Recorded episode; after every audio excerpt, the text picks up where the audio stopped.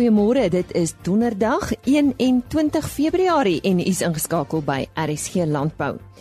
Ons uh, gesels ver oggend oor agri kampering, dan praat ons oor die Kasteel de Wild Landbou Wild en Jag uitstalling. Onthou u die storie van die flaminke net buite Kimberley?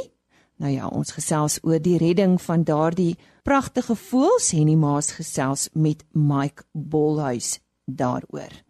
Die Kasteel de Wild Landbou Wild en Jaguitstalling maak op 28 Februarie sy buiging. Ek gesels nou met Engelien Gericke. Ja Engelien, miskien kan jy begin deur net vir ons te verduidelik wat die doel van hierdie expo is.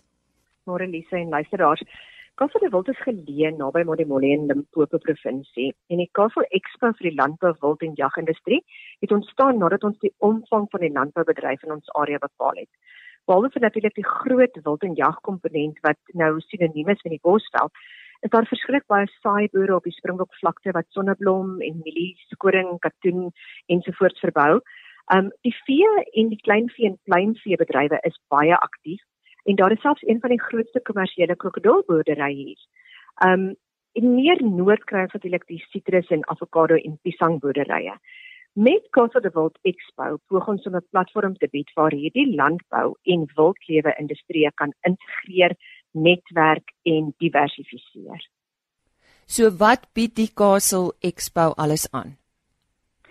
Ehm um, dit bied 'n verskeidenheid uitstallers, produsente en vervaardigers wat nuwe en innoverende boerderypraktyke vertoon. Die idee is dan dat diversifisering tussen die verskillende landbouindustrieë sinvol en ekonomies volhoubaar sal plaasvind.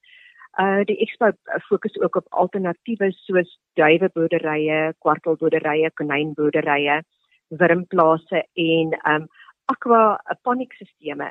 Al ons klein bedrywe wat vir die gesin 'n uh, inkomste kan genereer en dalk eendag ook 'n verskil kan maak aan voedselsekuriteit globaal. Die hoogtepunt um vir my Elise uh, is um agter die papinkaiens wat aangebied word. Klink interessant. 'n Paneel landbouekonome en ander spesialiste in die bedryf gaan ook seminare aanbied. Uh, wie is hulle? Daar's 'n verskeidenheid sprekers, van gesoute landbouekonome tot jong opkomende entrepreneurs. Die 17-jarige Rika Lies Reyneke, 'n skoolmeisie van Pretoria, kom gesels oor haar sukses met aquaponics en aquakultuurstelsels. Dan is daar teenoor haar die megaboer Nick Serfontein met insiggewende moed weet boerdery tendense en statistiek vir die toekoms van landbou. Henny van der Walt het pas in Amerika verskeidenheid jagskoue bygewoon en hy gesels oor die internasionale jagters se se opinie oor Suid-Afrika as 'n destinasie vir trofeejag en ekotourisme. Mike Bosch, die eerste boer in Suid-Afrika wat geakkrediteer is met die hoogste voedselveiligheid en goeie landboupraktyk sertifisering deur Global Gap System en British Retail Consortium, gesels oor die ontginning van uitvoermarkte na Afrika en dan is daar ook Dr Louis Boag en Dr Hanrey Bredenkamp wat boere kom inlig oor parasietbeheer en die identifisering en behandeling van siektetoestande by wild en vee. Engelien, hoekom is Kasteel de Wild die ideale tuiste vir so 'n expo? Wie sê die pragtige Kasteel de Wild net is kan Molly Molly het geen gelyke nie. Dit is die mooiste venue wat ek nog in Suid-Afrika gesien het.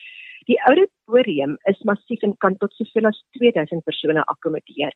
Die infrastruktuur is pyk en dit is absoluut sentraal geleë, midweg tussen Polokwane en Gauteng.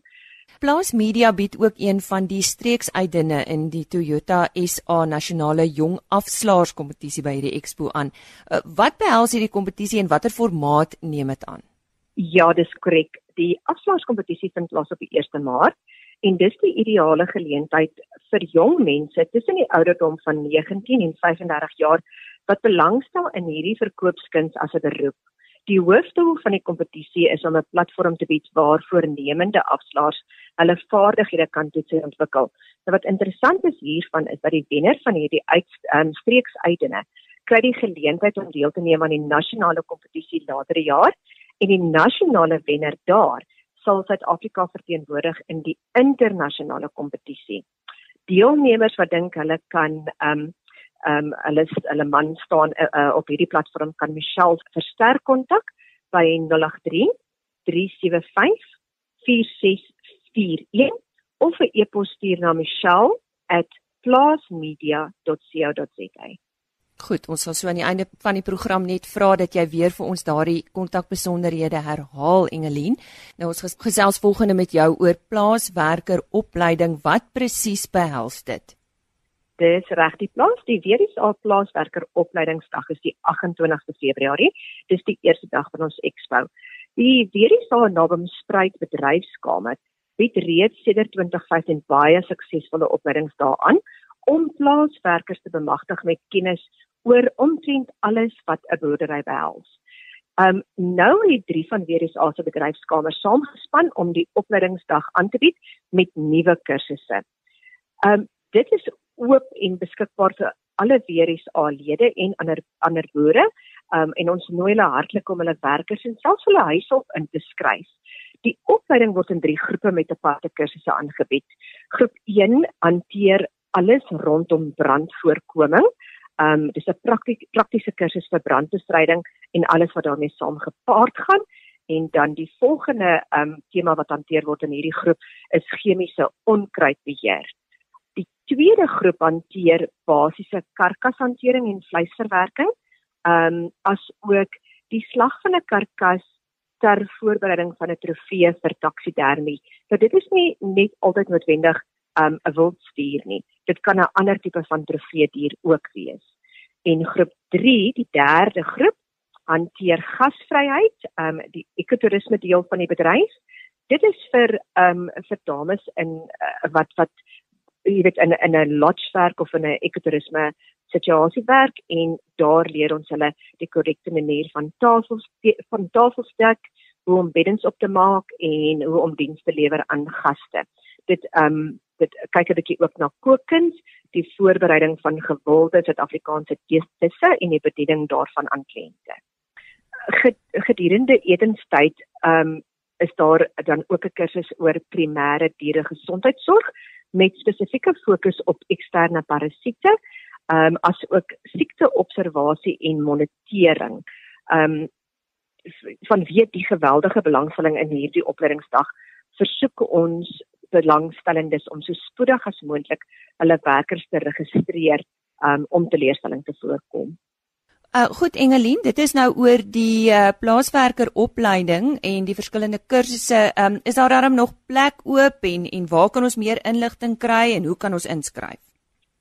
Lise daar is nog enkele plekkies beskikbaar vir landbouprodusente en vervaardigers om deel te neem te neem aan die expo. Hulle kan ons kontak via die webblad www.castledewilt.co.za en dit is dt castledewilt.co.za. Goed, ons herinner net ons luisteraars daaraan, dit is Castle soos die Engelse Castle de Wilt W I L D t.co.za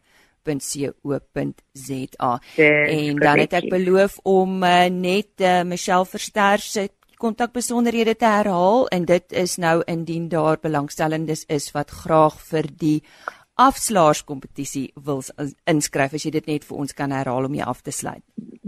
Ja, dit is heeltemal reg. Ons nooi enige iemand wat lus is om aan daai kompetisie uh, deel te neem uit om vir Michelle Verster te kontak by 083 3754641 of e-pos haar by michelle@plaasmedia.co.za en dan wat die WRSA plaaswerker opleiding betref vir meer inligting bespreek asseblief um en kontak vir Wanda by admin by wrsa.co.za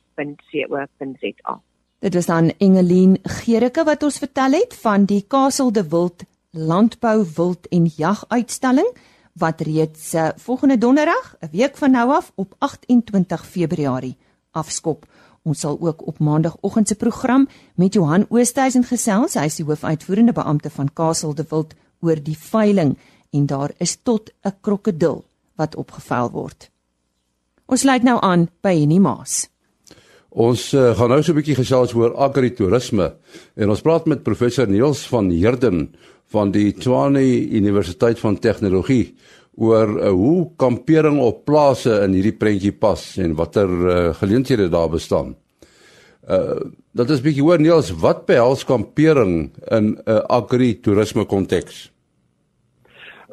En nie kampering op plase gebeur al baie lank, maar daar was uh, by meeste van die plekke waar ek nog al self kampeer het, is daar nie regtig 'n uh, interaksie tussen die kampeerder en die plaasaktiwiteite nie. So wat ons dan nou wil bevorder agritourism South Africa is dat ons wil die boere in staat stel om addisionele inkomste te verdien deur op op 'n geselekteerde wyse die kampeerder betrokke te kry. Soos byvoorbeeld gaan kyk hoe melk word koeie gemelk, gaan kyk hoe lyk dit met strooptyd of oestyd.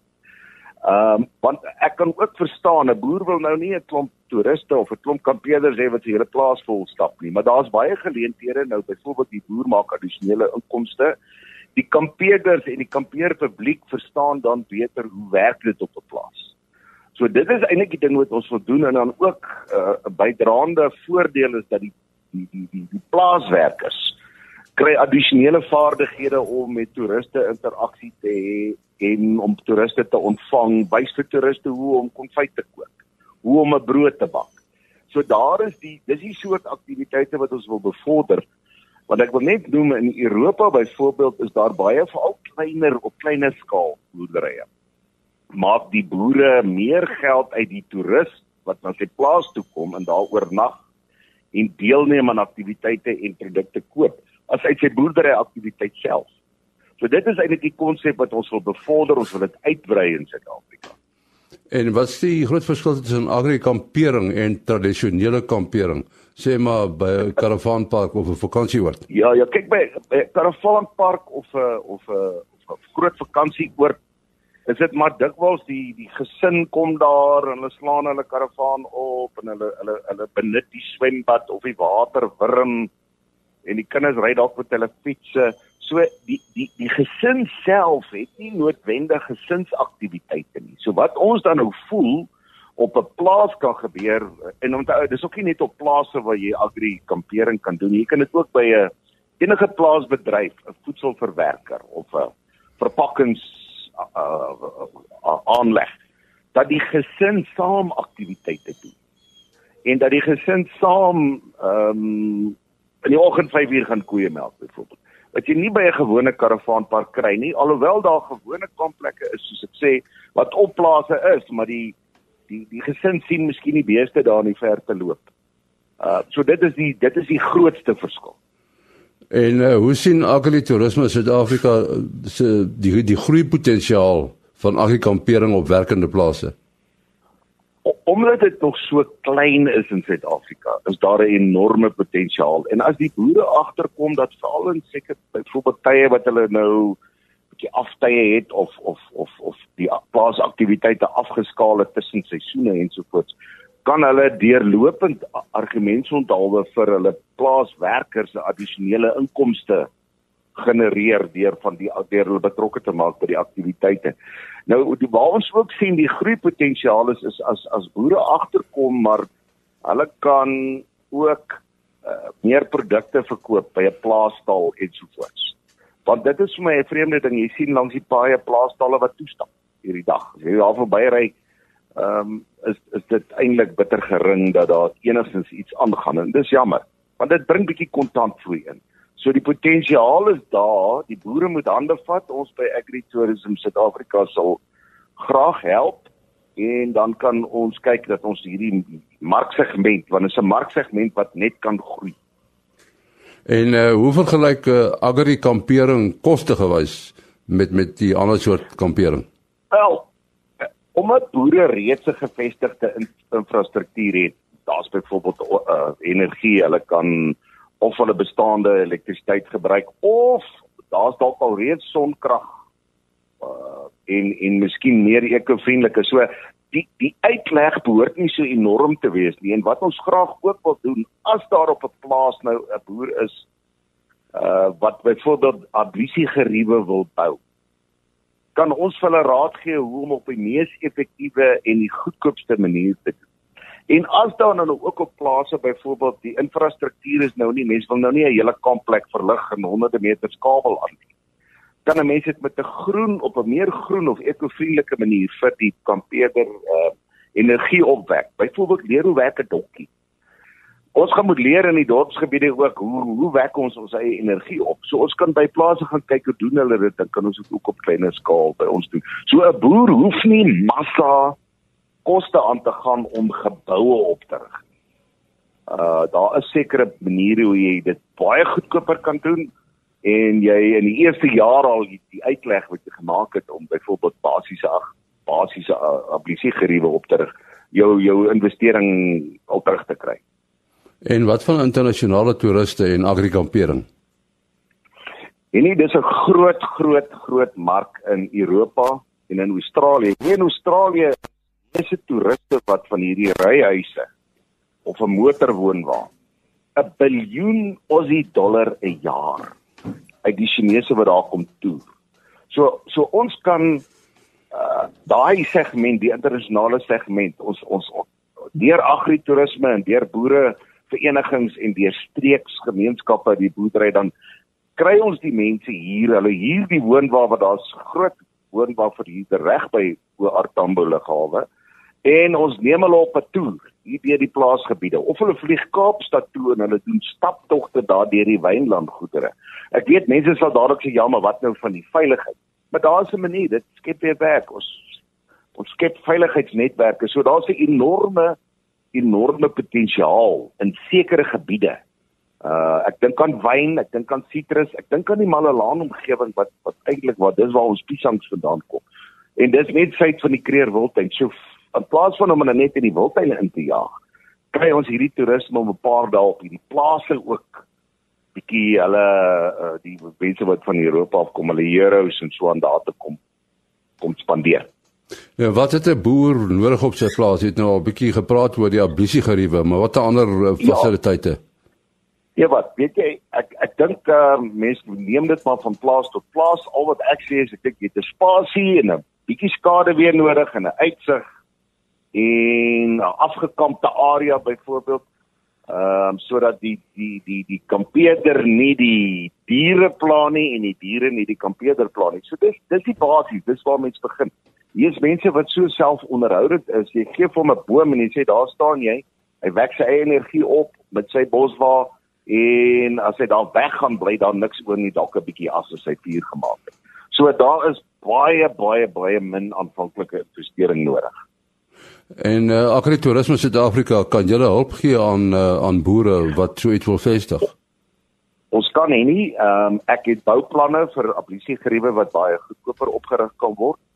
Ehm um, en en ek het self as 'n gradeerder vir die Tourism Grading is uh, Agency of Tourism Grading Association en die AA het ek gehelp om van die kriteria te skryf. So ek sal vir 'n boer kan uitwerk as jy wil 20 mense of 25 mense akkommodeer, hoe moet jy jou toilette en jou wasbakke en so aan indrig? En dan kan ons ook help met bemarking want as hierdie boere hulle kampeergeriewe op ons webwerf lys en ons is nie 'n winsgewende organisasie nie dan kan ons ook help met bemarking. En uh, hierdie uh, webwerf waarvan jy praat, wat is die webwerfadres? www.agritourismsouthafrica.co.za. agritourismsouthafrica.co.za. Nou sê ons sê baie dankie aan professor Niels van Heerden van die Tshwane Universiteit van Tegnologie oor uh, agritourisme en agri-kampering. Dankie Henny en nou is dit tyd vir ons weeklikse vleispryse en dit is pryse wat behaal is by veilinge in die Noord-Vrystaat. Die datum van hierdie veilinge was 19 Februarie en soos altyd aan die woord Chris Derksen. Goeiemôre. Ek gee graag vir julle almal die verslag vir die week van 19de Februarie. Daar's twee goed om op te let. Die eerste is so einde van die finansiële jaar kry ons altyd 'n paar belastingkopers wat die pryse 'n bietjie opdruk en daar's 'n werklike tekort aan slaglam en stoorlam. Ek gee vir julle die presiese pryse. Speenkalvers onder 200 kg het gegaan vir R33.03 per kilogram. Van 200 tot 250 kg R32.61 en oor 250 kg R30.13. A-klasse het gegaan vir R22.98 wat baie laag is. Ons is nie gewoond daaraan nie. Klas B is R21.20 en klas C het vetkoeie gegaan vir R20.03 en maarkoeie het gewissel van R16.60 tot R18.06 per kilogram. Slagbulle R22.45. En dan van 'n fiskaapmark het stoorlammers gaan vir R33.51. Slaglammers R30.05. Stoorskape R26.75 en vetskape R26.21. Bokke, lammetjies R34.97 en ooe R26.12 per kilogram. Indien ons van enige ander hulp kan wees, skakel maar enige tyd na 08280 75961. Baie dankie. Dankie Chris en 'n webtuiste vir daardie pryse is www.vleisprys.co.za. Ons sluit nou weer aan by Henny Maas. Daar duisende flaminkuikens was 'n paar weke gelede aan hulle eie genade oorgelaat toe die Kamfersdam in Kimberley byna opgedroog het.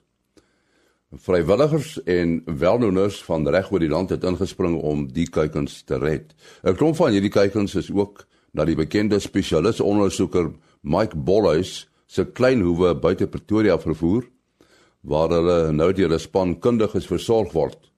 Hy vertel ons nou meer. Maar Mike, miskien moet jy eers verduidelik uh, wat presies het fout gegaan dat die broeipare hulle kuikens verlaat het. Op die 24ste Januarie het daar inligting toe na, na my deurgekom rakende 'n verskillende omstandigheid by die Kamfersdam waar kuikens, flaminkuikens besig is om te sterf en hulle het al reeds in orde is. Ek het die inligting vinnig gewin. Ek het die, uh, toe vinnige hub wat ons noem gestig in Kimberley, mense aangestel en opdrag gegee om die voëls te verwyder. Die proses het omtrent so 2-3 dae gevat en ons het omtrent so 2000 uh, voeltjies verwyder. Ons het so 900 uitgevlieg na my toe die uh, Vrydagoggend en die ander is oor die naweek en die maandag uitgevlieg na verskeie geakkrediteerde instansies wat kan werk met uh klein diertjies wat uh gevoer moet word en na omgesien word. Die uh proses die eerste 4 tot 8 weke is om hulle te leer om hulle dat hulle self kan eet. Die oomblik as hulle self kan eet, begin 'n tweede fase en dit is om hulle die juvenile stadium deur te bring, die tiener stadium dat hulle groot, sterk, vet sterk in die bene, vere, al daai tipe van goed en ehm um, uh, immuniteit ontwikkel en dan die finale fase so tussen 4 en 6 maande sal wees om hulle te herintegreer in die flaminke kolonie ehm um, gemeenskap. Wat belangrik is is dat uh ek het 'n beslissing geneem daai tyd dat dit is 'n misdaad vir my as iemand of partye of instansies of munisipaliteite kennis dra vooraf in oor 'n geruime tyd van so 'n haglike omstandigheid en nie toetree nie. Dis vir my 'n misdaad. In ander woorde, as jy by 'n diertjie verbyloop en hy's besig om te sterf en jy die vermoë en jy red hom nie, dan maak jy jouself skuldig aan aan 'n uh, 'n uh, 'n dieremishandeling. So dit was die hoofrede hoekom ek toegetree het, maar ook is ek 'n liefhebber van voëls. Ek het 120 flaminke waarvan 110 greater flamingos is. Daar broei so 31, ons het al so 14 kleintjies en dan het ek 10 lesser flamingos. Ek het my eco-estate tot beskikking gestel uh vir die uh grootmaak van so 300. Die ander soos ek gesê het is uitgeskuif met verskillende geakkrediteerde instansies en ek is die hoof van hierdie projek. Ek bestuur dit, maar ek het intussen hande gevat met al die spesialiste in die gebied, voelspesialiste, natuurspesialiste munisipaliteite, natuurbewaring, regeringsamptenare en en en. So ons het 'n eh, wat ons noem 'n multidisciplinary collective group wat nou saam besluite neem. So daar's nie een belangriker as die ander nie. Ek het nou wel hierdie unieke rescue proses begin, maar ons is nou soos 'n masjien. Ons werk almal saam en as jy nou een bout uit die masjien uithaal, dan gaan hy mos nou stop. So ons hoop om hierdie projek deur te sien. Dit mag dalk 'n jaar vat daar is tans nie 'n nood vir die verwydering van verdere kleintjies nie want dit het onlangs dwars oor die land redelik goed gereën en ek het gehoor dat uh, tot op stadium het dit al so naby 60 70 mm in die Kimberley en omgewing gereën. Ons was daar maandag vir 'n groot vergadering en daar het ons weer eens hande vasgehou met streng reëls en regulasies seker gemaak dat daar 'n uh, behoorlike uh monitering is van die dam. Ek gaan nou nie almal se name noem nie, almal is ewe belangrik, maar elke ou het 'n rol om te speel en daar is selfs 'n waginstansie wat die dam be bewaar sodat die tree huggers en die eh, die die wat dit bietjies te ver vat en 'n ou flaminkie wou gaan haal en dit sê kombuis groot maak want hy kry hom jammer te verhoed want hier kry jy hier by my is op 'n stadium 'n dame op pad kar toe 'n ou tannie gevang met 'n flaminkie in die sak want sy het hom net eenvoudig te jammer gekry. So uh ons het streng reëls en regulasies in plek. Dit is 'n bedreigde spesies. So ons maak ook seker dat al die papierwerk reg is en ons sorg dat die administrasie in plek is. Ons hou deeglik rekord van die hele uh proses. Ons weeg hulle elke dag. Ons uh maak seker dat die dieet reg is. Die veeartse is altyd betrokke. Hulle is nou al klaar gemicrochip. So hierdie is 'n massiewe massiewe ehm um, kan mense sê oefening wat ons hier uitgevoer het. Natuurlik leer ons verskriklik baie en ons stuur projekte uit met al die inligting op 'n daaglikse basis. Ons wil die media bedank, julle inkluis, want die media het hierdie ding so vuur warm gehou en het my ook geondersteun vandag een af van die 24ste af was daar sekerlik elke dag ehm um, aanhoudende plasings. En uh, hierdie ding het my eintlik meer bekend gemaak as die misdaad wat ons ondersoek, maar ons dank die media verskriklik. Hulle het dit goed geplaas, goed geskryf en die publiek op hoogte gehou. Selfs ook van die oorsese media het betrokke geraak en ons bedank hulle ook. Ek het uitgewerk, ons het al omtrent met so 70 radio, TV en media instansies al gepraat tot op hede. Tweedens wil ons die publiek bedank want almal het betrokke geraak. Of hulle nou wou voer, teddybeere wou aflaai, kos wou aflaai, kos maak, skoon maak en watter ook al. Dit, dit is soos die Engelsman sê, we were inundated met versoeke. Ons was oorval. En ehm um, uh, al die instansies waar daar voeltjies gehuisves word, word geondersteun deur die publiek. So ons ons harte gaan na hulle toe uit en ons bedank hulle uit die diepte van ons hart. En dan laastens, maar nie die minste nie, ons dank die Here God want ek het weer eens besef hoe wonderlik is die natuur It's intelligent design. Hierdie diertjies is ongelooflik. Daai eerste dag toe ek met hulle gesit het en hulle self gevoer het, het ek 7 uur tussen 900 voeltjies gesit en wat ek vir jou sê, ons moes skree om met mekaar te kon praat. So het hulle aangegaan en hoe hulle net aandag en uh uh daai zest for life, daai aura uitgestraal het. En ek is seker as al hierdie voeltjies iets kon sê, sou hulle gesê het, het sy in Afrikaans of Engels, thank you team. Maar um, jy kan nou sien hoe groot is hulle. Ek sal vir jou 'n videoetjie aanstuur, die laaste videoetjie. En mense is natuurlik welkom om uh, die projekte te lees. Daar is ontsettend baie foto's, videoetjies en terugvoer en uh, uh artikels wat wat die hele proses van dag 1 af beskryf, maar dan kan jy sien hoe gelukkig is hulle, hoe groot is hulle al en hoe graag wil hulle leef en wat 'n ongelooflike geraas maak hulle. En ek het maar nog net omtrent 300 hier jy jy jy kan omtrent niks hoor wat ek sê op die video nie. So ek is regtig impressed en ek dank die Here God dat hy die penny weer by my laat drop het dat sy natuur is uniek, geheel en al uniek en daar's definitief intelligent design. En, en Mike, wat is die verdere planne? Wel, een van die belangrikste planne is om uh, te verhoed dat dit ooit weer gebeur en om dit te verhoed is om 'n uh, eenheid waarmee ons besig is in plek te kry wat in die toekoms betyds kan identifiseer. Kyk, julle moet onthou ons hou die hele Kimberley en almal daar verantwoordelik. Nou nie noodwendig die publiek nie, maar die autoriteite. Dit sluit in myne die uh, munisipaliteite en enige en ander autoriteit daar, want almal het geweet van El Niño en El Niño en almal het geweet dat hierdie probleem kom al van 2016 as nie langer nie. So hierdie ding is nie 'n ding wat sommer net ewe skielik oor nag gebeur het nie. Hierdie ding was 'n langsame proses wat dit gewys het en uh, daar was nie toetrede gedoen nie. Ek moes hier van Pretoria af as 'n spesialis ondersoeker toetree en 'n daadwerklike unieke once in a lifetime ding doen om so so te sê die bewusmaking daarvan te maak. Maar ons oogpunt is om 'n eenheid in plek te kry wat eerstens dit kan verhoed dat dit nooit weer gebeur nie en tweedens as daar so 'n situasie is dat daar onmiddellik vinnig effektief op opgetree kan word met die autoriteite dat alles in plek is. Want die probleem baie keer is Mense identifiseer die probleem, maar hulle kan nie noodwendig optree nie want die administrasie, die autoriteite wat betrokke is, se papierwerk, die administrasie, die papierwerk en die autoriteite se betrokkeheid moes eers moet eers in ag geneem word en dan gaan daar tyd verby. En as daar tyd verby gaan sterf daar diere.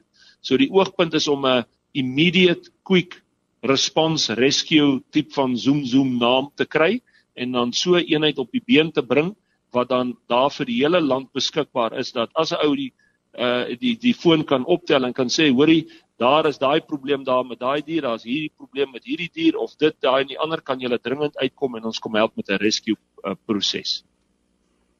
Ons sê baie dankie aan Mike Mbolhuis. Dis tyd vir ons om te groet. Laat dit met u goed gaan tot maandagooggend. Totsiens. RSG Landbou is 'n produksie van Plaas Media. Produksieregisseur Henny Maas. Aanbieding Lisa Roberts. En inhoudskoördineerder Jolandi Root.